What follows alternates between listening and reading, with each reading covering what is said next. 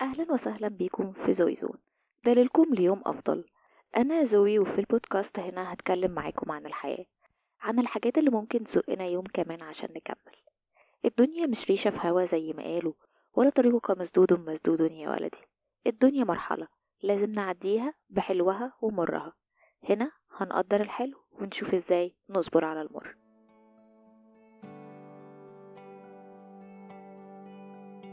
تخيلوا معايا كده راجعين البيت من يوم طويل في الشغل.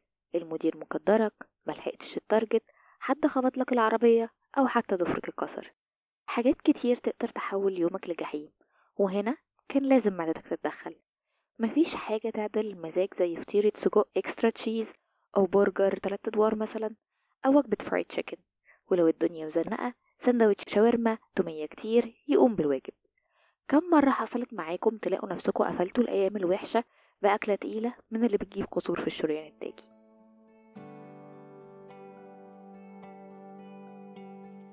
طب اشمعنى الأكل؟ وليه في وقت فجأة تلاقي نفسك في أكلة معينة ولو كلت حاجة غيرها تبقى مش مبسوط؟ حتى لو كانت أكلة بتحبها. أو زي ما كنا بنقول لما نبقى متضايقين ناكل حاجات معينة. الحقيقة إن المعدة مسؤولة عن مزاجنا. مقولة أقصر طريق لقلب الراجل معدته دي مش بتنطبق على الراجل بس دي بتنطبق علينا كلنا. وده كلام أثبتته الدراسات وبقى في حتى حاجة اسمها الطب النفسي الغذائي. مش بس نوعية الأكل بتأثر على مزاجنا ده كمان توقيته. في دراسة اتعملت على عمال الورديات بما إن أكلهم بيبقى مواعيده مش ثابتة ظهر فيها إن معدل الإصابة بالاكتئاب أو القلق عندهم أكتر من الناس العادية. طب إيه هي الأكلات اللي ممكن ناكلها ترفع من معنوياتنا؟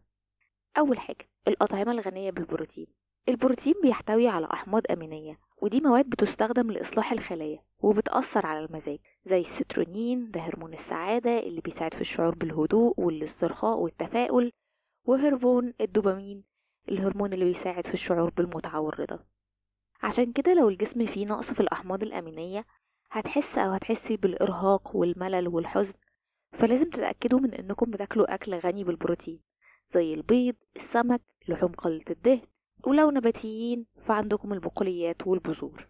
تاني حاجة الأطعمة الغنية بالألياف. الألياف دي مادة غير قابلة للهضم.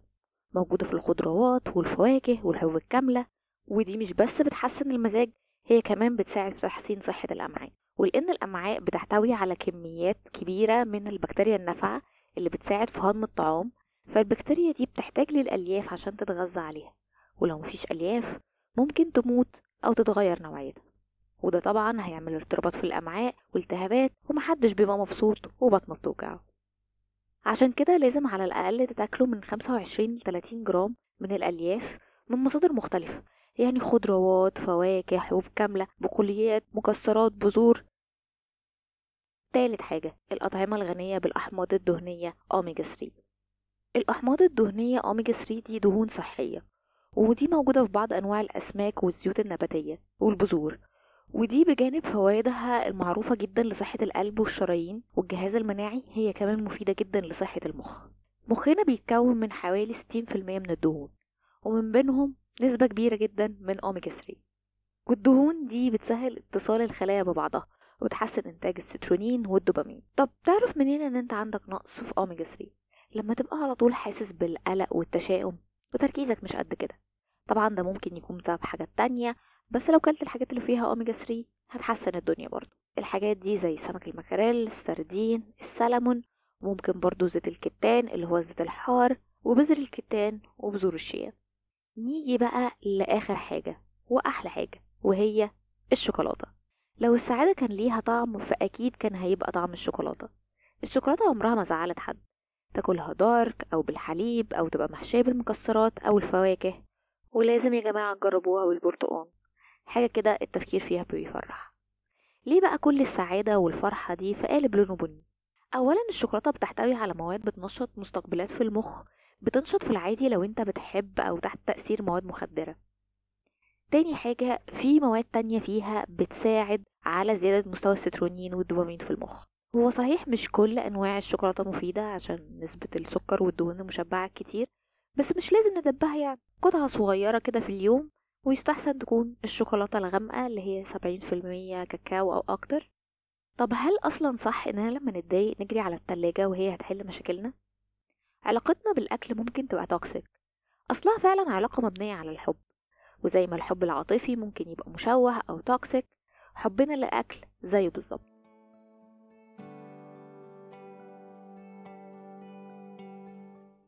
عن تجربة شخصية أنا عمري ما لقيت حل المشكلة في قعر حلة محشي. ولا طبطب عليا كيس مارشميلو. أنا علاقتي بالأكل بتكمن في إني باكل عشان أعيش مش بعيش عشان آكل والفرق ده مهم جدا. حتى لما صحتي اتأثرت واتمنعت من أكل كتير اتضايقت في الأول وقلت إشمعنى الناس بتاكل اللي هي عايزاه وأنا لأ. بس بعد فترة اتعودت ودورت على باب تاني للسعادة غير باب التلاجة. بس للأسف في ناس باب التلاجة بقى هو ملجأهم الوحيد والمنقذ بالنسبة ليهم. ودولت الناس اللي عندهم اضطرابات الأكل وأهمهم الأكل العاطفي. الناس دولت بيقدروا يشوفوا وجهين العملة للأكل لأنهم بياخدوا الأكل على أساس إن هو البطل اللي هينقذهم من مشاعرهم السلبية زي الغضب والقلق وحتى الخوف. ولكن بينتهي بيهم الأمر إن هم يبقوا مكسوفين من نفسهم أو مش راضيين عن شكلهم وبيلاقوا نفسهم في دوامة ما بين المشاعر السلبية اللي بيحاولوا يتخطوها بالأكل والمشاعر السلبية اللي بتجيلهم من الأكل. وفي اضطرابات تانية ليها علاقة بالأكل زي نهم الطعام إن واحد ياكل كمية أكل كبيرة جدا في وقت قليل أو الأكل الليلي وعلى ما أظن في ناس كتير عندها المشكلة دي إنه بالليل لو في مثلا حاجة قلقاهم أو عندهم أو خايفين من حاجة لازم ياكلوا بالليل كمية أكل كبيرة جدا قبل ما يناموا اللي هو لازم يناموا وبطنهم مليانة وممكن ما يفطروش وممكن ما يبقوش بياكلوا اليوم كله بس لازم ياكلوا بالليل. في حاجة كمان اللي هي الأكل المفرط وهو إن الواحد ياكل أكل كتير على طول كمية أكل كبيرة جدا. ودي كلها بتعمل مشاكل ما بين علاقتنا بالأكل. الأكل بيبقاش ساعتها بقى متعة إحنا بنحس بيها بعد فترة. بيبقى نوع من أنواع العقاب خصوصا في الاضطرابات دي.